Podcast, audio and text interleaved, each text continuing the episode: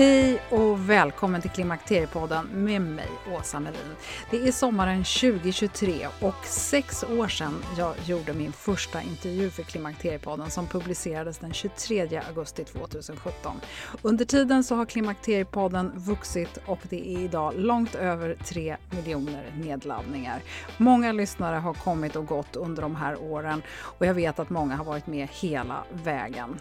Och samtidigt så har det ju hänt otroligt mycket mycket. Vi pratar mer om klimakteriet idag, men ändå har det hänt väldigt lite. Om inte annat så är det fortfarande så att många kvinnor blir oerhört förvånade över att de kommer i klimakteriet och de är helt oförberedda eller oförstående. Så vi behöver fortsätta prata om klimakteriet och det tänker jag göra. Men det är ju också så att det här handlar inte bara om att kunna allt om hormoner och så vidare, utan det handlar ju om att skapa förutsättningar för att vi ska kunna leva friska, lyckliga och med ork och lust många år till. Tillsammans med med Kristina Sundekvist så har jag valt ut några äldre avsnitt som är riktigt bra och lyssningsvärda och i all högsta grad fortfarande relevanta. Och det blir tre avsnitt med professorer, två naturentusiaster och två kvinnor som fått nog av att vi ska foga och finna oss. Du som har varit med hela vägen kommer garanterat lyssna med nya öron och du som inte hört dem förut hoppas jag uppskattar dem. Avsnitten har fått nya rubriker och de ursprungliga försnacken och eftersnacken är borta så vi hoppar rakt in.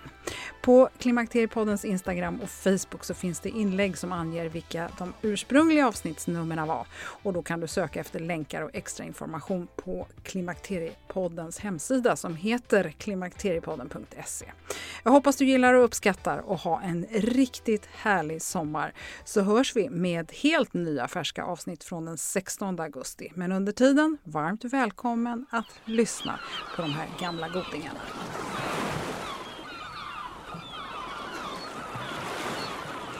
Då vill jag önska Fredrik Nyström varmt välkommen till Klimakteriepodden.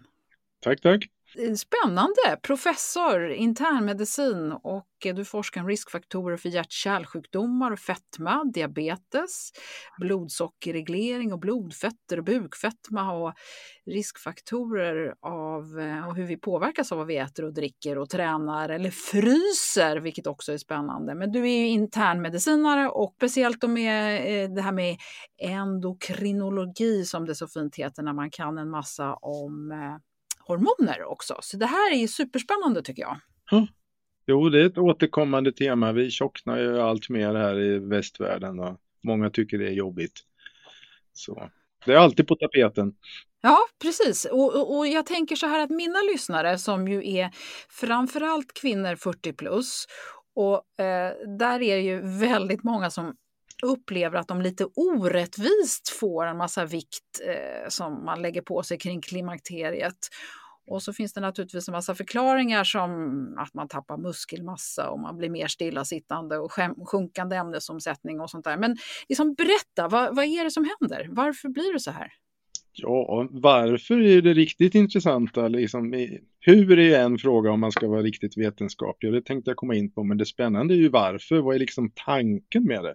Och det, om jag får hoppa in på det, för det tycker jag är jättespännande, så tror jag verkligen att det finns en slags evolutionär logik i att vi kallnar lite och får lägre ämnesomsättning när vi blir gamla.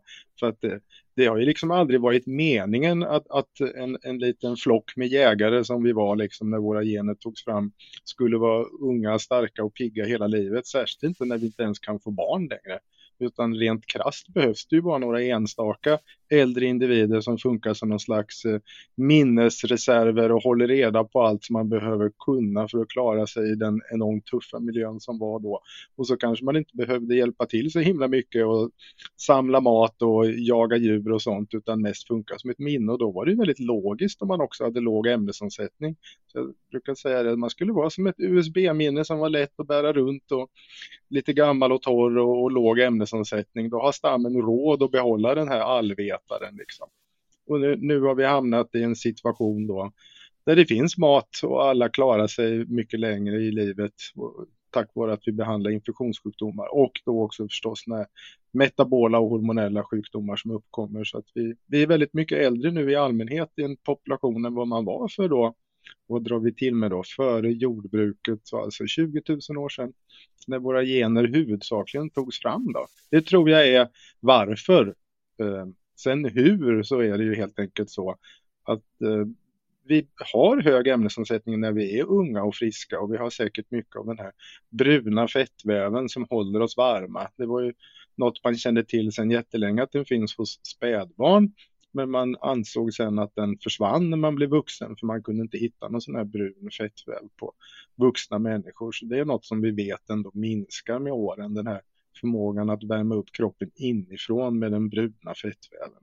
Ja, alltså vi är ju växelvarma, vi håller ju våran kropp varm till en ganska exakt temperatur som är lite varierande bland olika personer. Och det är helt enkelt för att alla hormoner och processer i kroppen är fruktansvärt temperaturkänsliga faktiskt. Det är bara några tiondelar upp och ner i, i grader Celsius så funkar de annorlunda. Det är därför vi får feber när vi blir sjuka som ett sätt att anpassa metabolismen helt specifikt för att störa ut våra bakterier som angriper oss för att då blir det plötsligt en fördel att bara höja temperaturen några enstaka grader.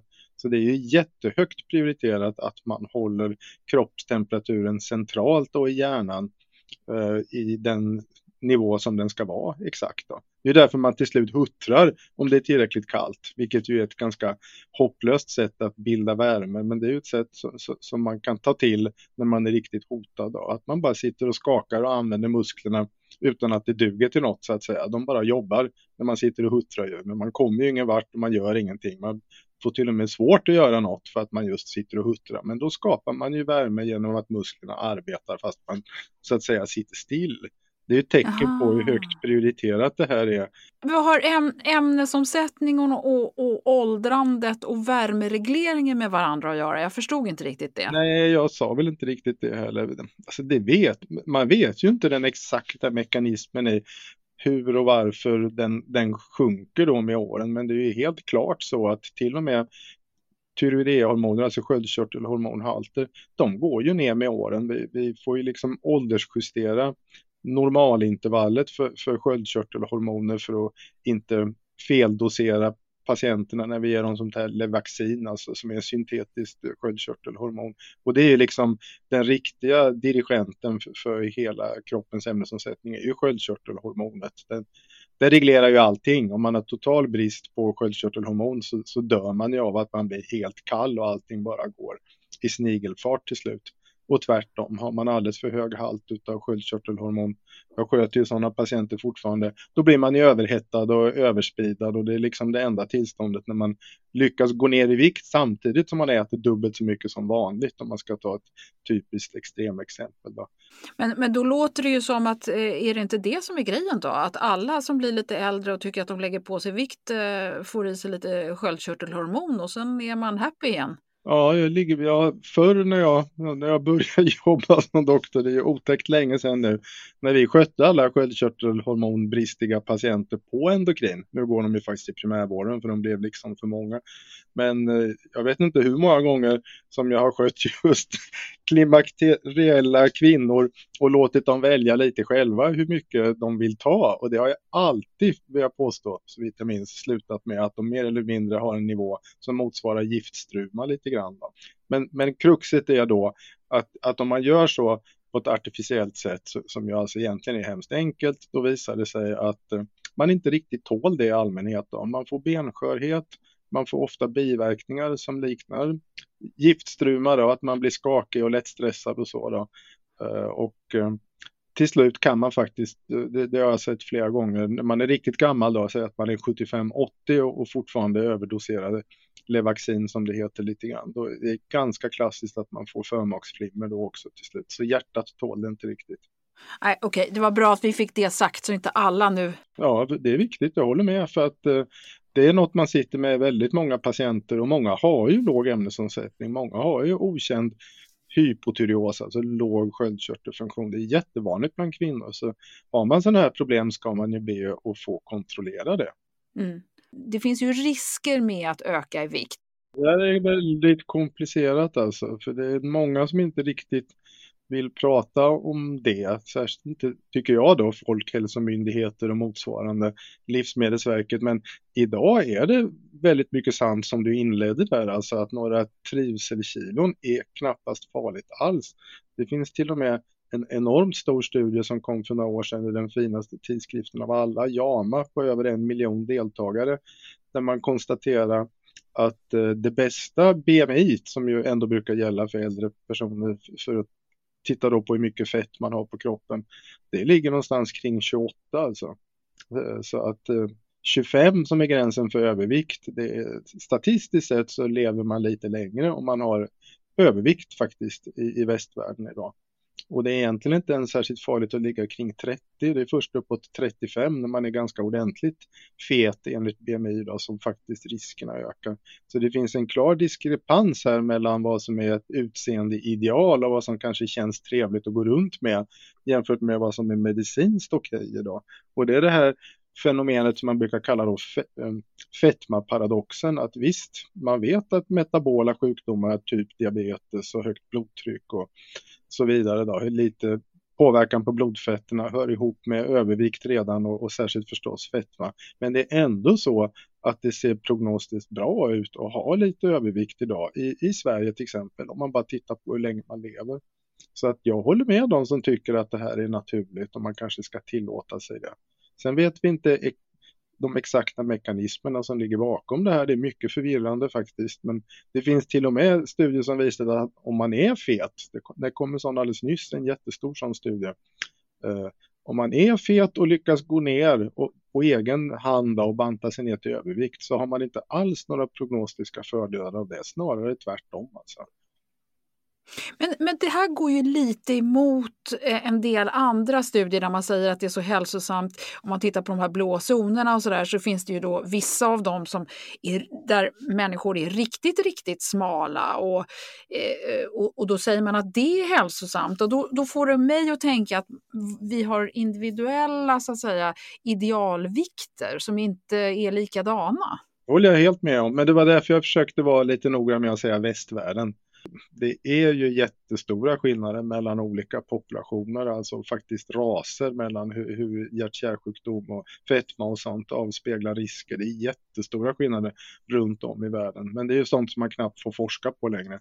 Men amerikanerna gör det ju fortfarande ohämmat. Det finns ju fortfarande inga studier. De, i USA där man inte först när man är med i en studie då, får, får klassa sin egen ras. Så man vet åtminstone om folk är kaukasier, om de är då eh, Hispanics brukar det heta, eller African American. Då. Ja, det. det. är jättestora skillnader med olika raser i vad som är bra och dåligt. Så att jag håller mig helst till västvärlden när det gäller det här, för det är där vi vet mest.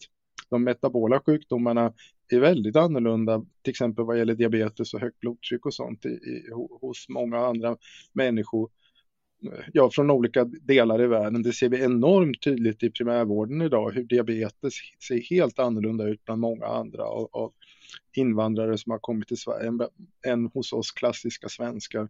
Det är jättekomplicerat och vi vet alldeles för lite om det egentligen. Men kort och gott, du har helt rätt. Det här är ju individuellt förstås och beror på vilka gener man har. En del kan vara jättetjocka och inte ha några sådana här metabola riskfaktorer alls, medan andra kan ha stora då risker för diabetes, högt blodtryck och blodfettsrubbningar redan vid en liten övervikt. I, I grova drag hör det ändå väldigt mycket ihop med om man har bukfetma eller inte. Det får man fortfarande säga. Så att om man samlar fettet på magen då, då är det en klart mycket större faktor för, för ökad risk än om man sätter det på det klassiska kvinnliga sättet på höfter och lår. Och det är ju det som försvinner lite efter klimakteriet när östrogenhalter och så sjunker. Att det blir lite mindre kvinnliga former på många, till exempel. Man blir mer lika män och kvinnor. Ja, och nu är vi inne på de här konsekvenserna då av att könshormonerna sviktar. Vilka andra hormoner påverkas eh, som följd och gör att viktbalansen blir svårare? Så vi vet ju inte det exakt vilka som egentligen styr just viktbalansen, tyvärr. Alltså det är väldigt pinsamt.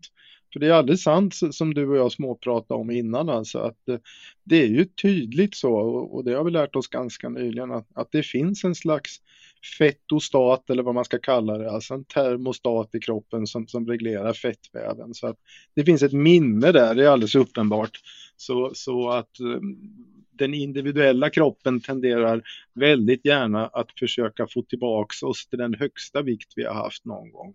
Så att ehm, man höjer ju sin energiförbrukning och det här kan man ju mäta utan att man behöver titta på några särskilda hormoner. Man kan ju mäta energiförbrukningen genom att registrera koldioxidproduktion och syrgasupptag. Det, det har jag gjort i många olika studier.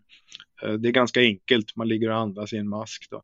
Och den kan man ju se sjunker med, med åldern kort och gott. Alltså. Så man har ju en lägre ämnesomsättning när man är gammal. Och som du också, som vi småpratade om innan lite, att det, det är den enklaste och starkaste kopplingen till den här basförbrukningen, det är faktiskt just muskelmassan. Muskler kostar bara att ha.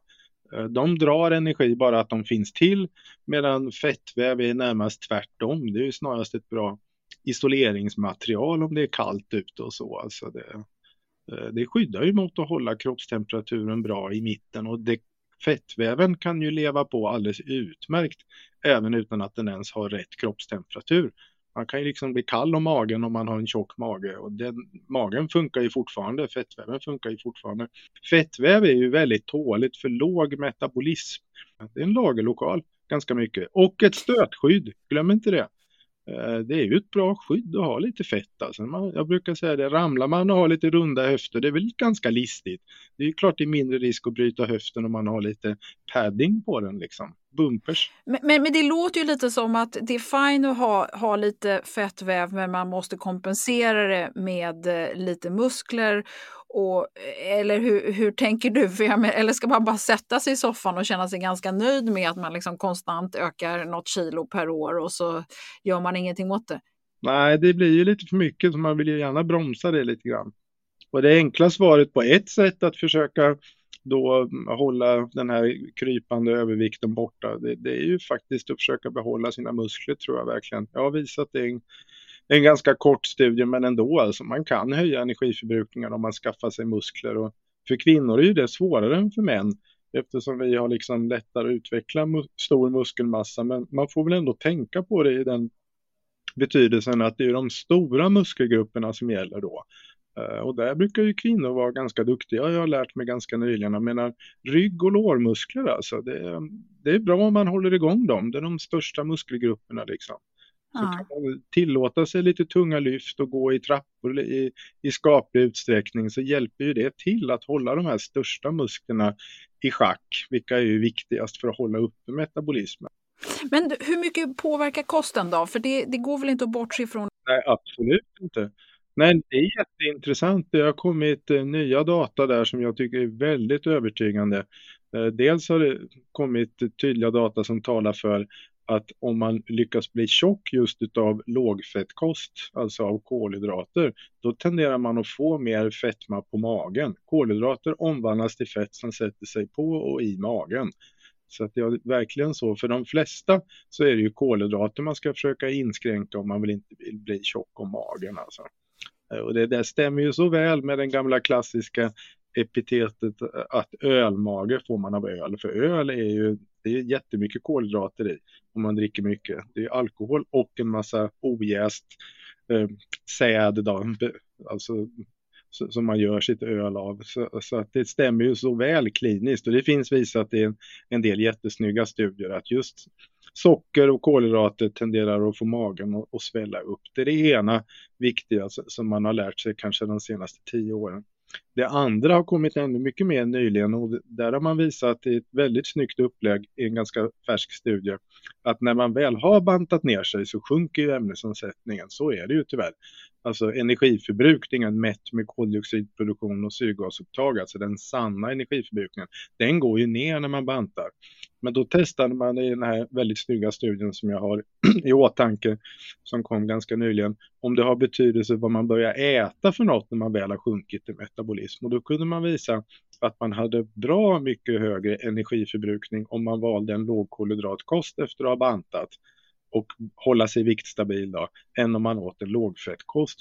Och det var typ 20 energiprocent från kolhydrater i lågkolhydratkosten som ganska måttlig lågkolhydratkost.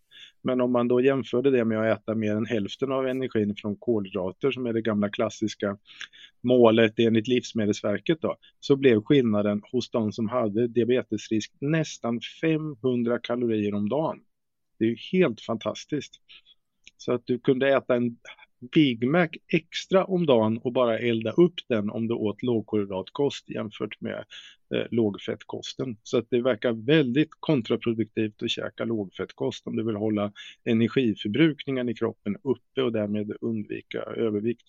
Och den studien gjordes med något som kallas dubbelmärkt vatten. En helt fantastiskt exakt teknik för att mäta all energiförbrukning som jag nog inte ska försöka förklara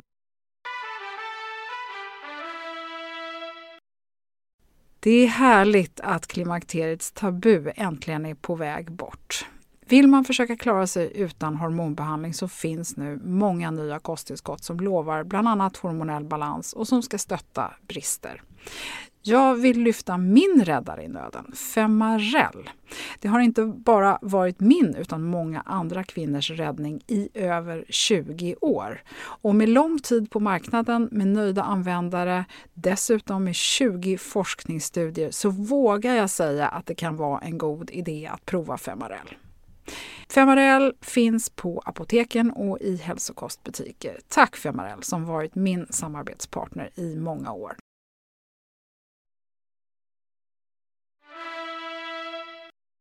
För det är ju det här som jag tror att de flesta av oss kvinnor har problem med. Vi älskar bullar och kakor och socker och, och såna här saker. Jag önskar jag vågade forska på det, men det kommer inte vår genuskorridor tillåta. Men jag tror verkligen precis det. Alltså, det är så mycket mer kvinnor jag tycker jag ser i affärerna som inte kan låta bli smågodis hyllorna och sånt än karar som ganska många kan utmärkt klara sig på en entrecote med bearnaisesås. Liksom. Jag tror det är en tydlig köns skillnad i vad man föredrar att äta där. Och det är mycket möjligt att det hör ihop med det här gamla evolutionära som jag inledde lite med. Det tror jag verkligen. Det skulle i alla fall passa väldigt bra. Att det är taniga karar som är ute och jagar efter de köttbitar som man behövde och som behövde klara sig på kanske lite kött när de var ute i flera dagar. Medan man enligt vad man ser hos dagens fåtaliga jägarsamhällen så är kvinnorna hemma och kämpar på med att ta hand om barn men också då faktiskt äter lite rötter och sånt som ändå finns med kolhydrater i. Kanske har chansen att småäta på ett annat sätt tänker jag. Och då blir kroppen snål. Det är förresten det andra viktiga tredje viktiga som jag tycker vi lärt oss på sistone, att om man verkligen vill ta vara på varenda liten kalori i kosten och tjockna så mycket som möjligt, då ska man äta huvudmål och mellanmål och småäta. För då blir kroppen mycket mer eh, eh snål i energiförbrukningen. Det finns många studier som har visat det nu och jag har också visat det i två studier nu, både på smala och på överviktiga att man har mer slösande med kalorier ifall man äter stora och få måltider jämfört med att småäta och äta mellanmål och huvudmål. Och det här kan bli ganska mycket på ett år alltså. Det som är så populärt nu med det här med periodisk fasta då? Ja, alldeles precis. Det är ju en ytterlighet av det här så att säga, att försöka ha riktigt långa uppehåll. Och det är ju inte så jäkla nytt egentligen. Det, det, var väl han Mosley som slog igenom med det för att det plötsligt blev populärt. Men det har ju funnits jättelänge sådana här till exempel varannan dag-fastande där man bara äter varannan dag och sånt. Det har man provat för tiotals år sedan. Men 16.8 och 5.2 och sånt, alla de här versionerna tenderar ju att visa bättre resultat än att man bara försöker dra ner kalorierna mest hela dagen men, men fortsätter då att småäta med mellanmål och huvudmål. Men, mycket av den här forskningen är ju gjord på män. Eh, funkar det lika bra på kvinnor? Jag har studerat precis exakt eh, lika mycket män och kvinnor. Jag har inte hittat några könsskillnader. Det är nog mer i sånt fall. Mina försök har varit kortvariga och med total övervakning så alla har ätit precis det de ska. Då. Men det är ju möjligt som, som vi var inne lite på innan att eh, det inte ser ut så riktigt sen utan jag tror precis som du antydde att det finns nog en viss tendens mellan könsskillnader här. Att eh, många karlar är mycket lättare för att äta stora, glufsiga och fettrika måltider enstaka gånger än vad en del kvinnor har. Sen finns det säkert jättemycket undantag. Ja, jag ser det jättetydligt nu när jag och min man har liksom levt nära varandra och båda varit hemma här nu under en lång period. Eh, han går ju utan problem mellan frukost, lunch och middag och skulle aldrig börja rafsa runt i skåpen emellan utan det är ju jag som liksom är där och, och krafsar och letar. Jag är glad att du säger det. För jag tror, jag tror verkligen att det är så. Men alltså återigen, apropå just temat här, klimakteriepodden, det är ju å andra sidan så att kvinnor tål ju övervikt medicinskt mycket bättre än män. För att det just sätter sig på höfter och lår och inte alls blir metabolt farligt på samma sätt. Det är ju många kvinnor som kan vara uppbyggda till hälften av fett när vi mäter kroppssammansättningen, alltså fettväv, utan att de har minsta tecken på någon metabol risk med det. Eh, så där okay. har ni ju igen er så att säga. Ni tål ju det här mycket bättre. Sen är det ju jobbigt igen då att aktuellt um, ideal i utseende stämmer ju inte överens med det här. Men vad sjutton, vi har ju haft perioder i Sverige med på 1600-talet när man, det var snyggt att vara både blek och fet. Och... ja, vi hoppas eh, att det kommer tillbaka. Men du, jag tänker på eh, om vi nu ska liksom ändå ge några ytterligare tips här för eh, att öka sin fettförbränning. Det är tydligt då att de stora muskelgrupperna slutar småät. Det är liksom två av de stora grejerna här nu. Ät mer protein och fett än kolhydrater. Ja, protein är nog ännu sannare, men jag brukar säga att det är så svårt att rekommendera en jättehög proteinkost. Alltså det är säkert allra bäst, men det blir ju väldigt dyrt och väldigt opraktiskt. Alltså. Så att det, det brukar ju bli en slags kompromiss att det bästa och viktigaste är att bara undvika kolhydrater. Men har man möjlighet till det så visst kan man få smälla i sig särskilt mycket protein om, om man får det att funka. Det håller jag särskilt med om. Ja, eh, och, och då vill jag komma in på det här med köld då. Mm. Eh, det är en hälsotrend definitivt eh, med kalla bad och det här med att frysa. Och du och jag blev ju nyligen intervjuade i Aftonbladet om det här och då jag bara nyfiken, är du själv vinterbadare? Nej, inte den här vintern. Jag är för gammal för det. Jag brukar säga att jag kallbadar på somrarna för att, och det gör jag varje dag då har sommarställe längst ut i ytterskärgården där det utan vidare kan vara fem grader i vattnet vid västliga vindar mitt i sommaren. Och ja. då tycker jag mig träna upp en, en klar tålighet för, för kylan när jag har gjort det ett tag. Alltså. Så att... Ja, du tränar upp en tålighet för kyla, men hur, hur, eh, om vi nu lägger ihop det här med fettförbränning? Alltså jag håller ju min fett, jag är en notoriskt eh, viljestark individ som bara ser till att ha min kroppsvikt faktiskt. Jag har skippat frukost för länge sedan och det har jag kommit långt med eh, faktiskt. Och hålla vikten eh, till exempel. Eh, det har jag inga problem att alls inte äta frukost och sen styrketränar jag för att hålla mina muskler i schack faktiskt fortfarande. Så att jag klarar ut det utan att behöva inte det här med gudskelov. Jag känner ju att man verkligen blir kallare som är äldre. Det retar mig. Jag tycker jag upptäckte det de sista åren. Alltså jag är 57 år nu, men det är ju verkligen så. Man tål ju kyla mycket sämre. Och det för ju över till den här bruna fettväven om vi ska återknyta till det. Där. Jag ser ju mina egna barn hur de kan gå runt lättklädda inomhus i samma temperatur när jag nu tycker i den här köldknäppen att jag behöver långkalsonger. Så de har nog ganska bra med brun fettväv och det är ju precis det som man har upptäckt nu då, att man har mycket brun fettväv när man är spädbarn och sen har man det säkert kvar i tonåren. Men sen är det många av oss som tappar den här bruna fettväven som då sitter alltså centralt i kroppen huvudsakligen, säg kring hjärtat och kring de, ja, organen kring de stora kärlen inne i bröstkorgen till exempel och även lite under nyckelbenet och så. Där inne sitter alltså en särskild sorts fettceller som man brukar då kalla för bruna fettceller som alltså faktiskt bara tillverka värme utav då kanske framförallt fettsyror. De tar upp socker också och bränner det, men antagligen är det mest fettsyror som de sitter och eldar upp, alltså bokstavligen, och gör värme av.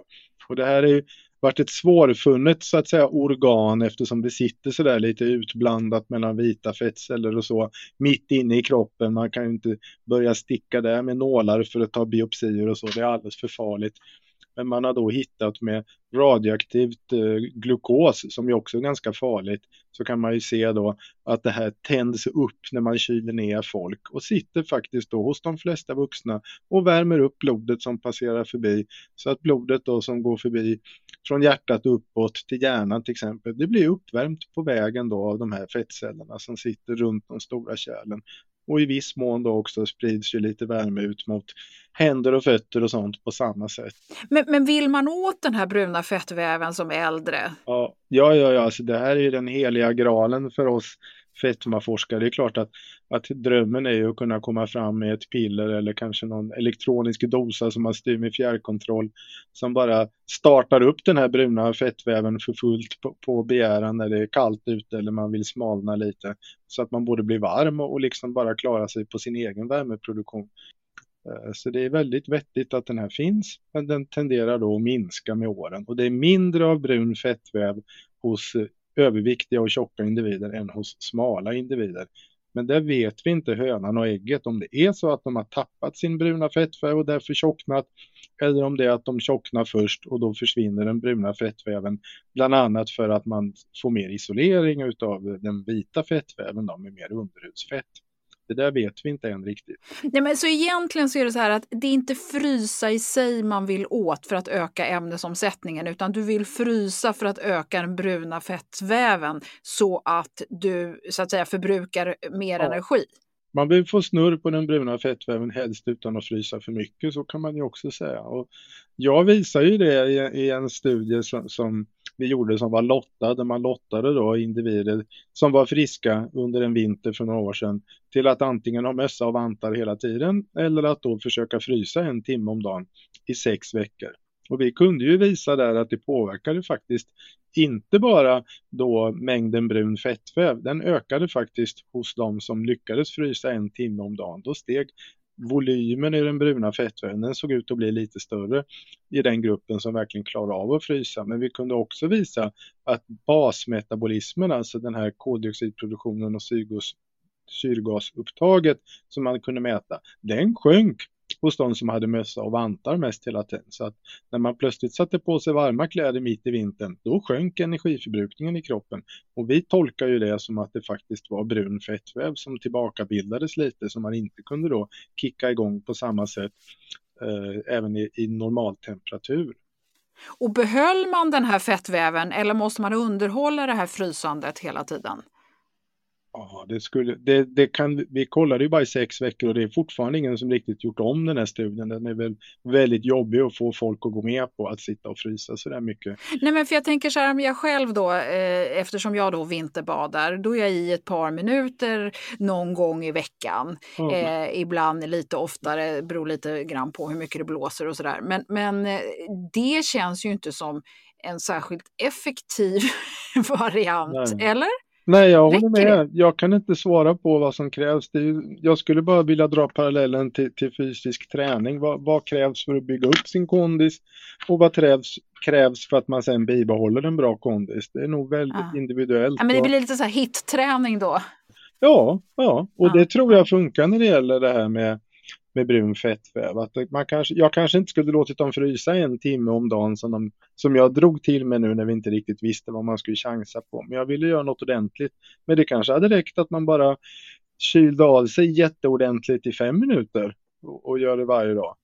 Ja, och då behöver man ju bara gå ut på balkongen och så, ja, man behöver inte hoppa i kallt vatten. Ja, nej, jag kan inte svara på det, men det, jag önskar att det var fler som tog upp den här viktiga tråden. Men jag har alldeles nyss kollat igenom vad, det finns för aktuell forskning runt kalla bad och sånt och det är inte särskilt mycket som pågår. Alltså, jag tror att förklaringen är att det är mest vi här uppe i Skandinavien som håller på med det här och ens har möjlighet till det på vintrarna och som samtidigt har ett hyfsat eh, forskningsaktivt eh, samhälle då, där det finns lite pengar till sån här forskning som inte leder till någon uppenbar samhällsnytta på en gång. Det är jättesvårt att få pengar till sån här forskning. Allt är ju så jäkla styrt. Ursäkta om jag ojar mig. Det är vad man får pengar till. Det är ju väldigt lite fri forskning i Sverige numera. Det ska vara jättedefinierat vad det ska vara för samhällsnytta inom några få år om man ska få några pengar, nästan alltid i klinisk forskning. Tyvärr. En, en spännande fråga med, som följd på det här då, vi som lever i ett klimat som varierar mycket över året.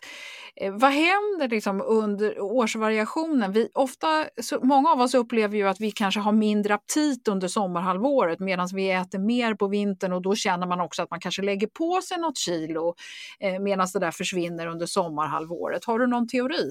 Ja, alltså det är många aspekter som kommer in där, men ja, det finns faktiskt eh, studier som har visat att brun fettväv har man lite mindre av under sommaren i allmänhet än under vintern. Det finns det faktiskt en studie som har visat, så det finns någon variation just i att den dyker upp när den används på, på vintern och den försvinner lite när den inte behövs på sommaren rent allmänt. Huruvida det är direkt kopplat till aptit. Men jag kan inte låta bli att påminna om en annan faktor som också gör att vi tjocknar och det är ju att vi på somrarna nu allt mer har luftkonditionerad miljö. så vi får inte ens utsättas för energiförbrukningen som det också innebär att försöka sitta och tåla värme. Det kan ju kosta jättemycket energi. Eh, det känner man ju direkt själv. Jag menar, är det tillräckligt varmt kan man ju sätta sig i en bastu och märka om inte annat. Så får man ju hjärtklappning till slut för att metabolismen går upp så mycket. För att man ska kyla av huden med all svettning och så. Men vi har ju ett mm. samhälle som verkligen framkallar fetma på alla möjliga sätt på det här sättet. Vi skulle frysa på vintern, vi skulle svettas på sommaren och vi skulle behöva gå mycket mer om vi inte hade så mycket bilar och bussar och sånt. Så visst, sammantaget är det väl inte så konstigt att vi då dessutom ökat portionsstorlekarna en massa. och äpplena är mycket större än vad de var för hundra år sedan och så vidare. Så sammantaget är det ju inte så konstigt att vi blir tjockare. Nej. Du, avslutningsvis Fredrik, det här är superspännande. Jag skulle kunna sitta med dig hela dagen, men vare sig, eh, jag vågar inte ens föreslå att vi ska göra det. Så, så jag skulle vilja veta då, om du var kvinna i den här åldern, 40, 50, 60 eller kanske till och med ännu mer och ville nå en hälsosam vikt, vad, som liksom också är hållbar och, och att man skulle dessutom må bra, vad skulle du prioritera? Nej, men det blir en sammanfattning av allt det här. Jag tycker man ska försöka utnyttja sin möjlighet att frysa lite grann och kämpa emot reflexen att alltid sätta på sig mössa och vantar. Frysa in vintern som gammelmormor sa. Eh, liksom det, jag tror att det ligger mycket i det. Och i bästa fall så, så kommer man också bli lite anpassad till det då. Det gäller faktiskt samma sak inomhus. Det, det anses att den bruna fettväven kickar faktiskt igång och bränner kalorier redan vid en innetemperatur på 17 grader om man inte har för mycket kläder på sig. Så att den kan man småträna faktiskt genom att tåla lite mer kyla än vad man hade tänkt sig att göra. Och sen är det ju då att, att försöka undvika småätande och sånt utan hellre satsa på att äta stora och enstaka måltider. Det finns verkligen visat i en stor lottad och snygg studie att diabetespatienter blir betydligt friskare och smalare och mindre leverförfettade ifall de åt två måltider per dag jämfört med tre huvudmål och tre mellanmål. Så det är ju verkligen ganska säkra data och sen gärna undvika kolhydrater och istället då försöka satsa på, på fett och protein faktiskt. Och där finns det en jättestor ny populationsstudie som är störst i världen hittills som verkligen visar att det inte alls är farligt att äta mycket fett utan att det är mycket kolhydrater som ger ökad sjuklighet faktiskt. Det kom ut för några år sedan i våra topptidskrifter, den så kallade Pure-studien. Så att eh, det är väl att försöka få Livsmedelsverket att hänga med i modern forskning kan ju också hjälpa till och underlätta i det här avseendet. Och slutligen kan man ju trösta sig med att lite övervikt är ju faktiskt inte alls farligt rent medicinskt. Det, det är det inte i västvärlden idag egentligen passar ju mycket av det här kostmönstret som jag rekommenderade då med få stora måltider in med medelhavskosten. Alltså klassisk medelhavskost, det tror jag särskilt klimakteriella individer kommer ihåg. Den innebar ju till exempel frånvaro av frukost. Man åt inte alls frukost när jag reste runt i alla fall som ungdom i, kring Italien och de trakterna på, på 70-talet. Alltså. Så att det blir automatiskt en ganska utspridd kost med stora måltider. Så den har bäst prognos vad gäller hjärt-kärlsjukdom. Och den innefattar ju också att man gärna får dricka ett glas rödvin till kvällsmaten. Eh, jag säger inte att rödvinet hör ihop med metabolism på något tydligt sätt, men det är alldeles uppenbart att det är kopplat väldigt starkt till de nyttiga effekterna i medelhavskosten som verkligen är den som har bäst vetenskaplig dokumentation och minska hjärt-kärlsjukdom ordentligt jämfört med lågfettkosten. Och det måste jag lägga till i den stora studien som jag då har i åtanke som jag gärna ska lägga en länk till sen, Predimed-studien som den heter, en spansk studie eh, så var det faktiskt också så att inte alls genom cancer och dricka vin i en medelhavskost. Det var till och med så att invasiv bröstcancer halverades i den här gruppen som rekommenderades medelhavskost plus rödvin till kvällsmaten i första hand. Då. Så det här att man skulle få cancer av rödvin, det tycker jag är en gåta att man kan få säga som modern forskare. Det minskade bröstcancerrisken att dricka rödvin till maten i en medelhavskost. Eh, det finns en lottad studie som har visat. Det blev ett långt slutord, men det tycker jag var viktigt. Ja, och då vill jag lägga till när du säger att dricka rödvin till maten i medelhavssammanhang handlar inte om att dricka en halv flaska. Det handlar Nej, om att dricka en halv kartong heller.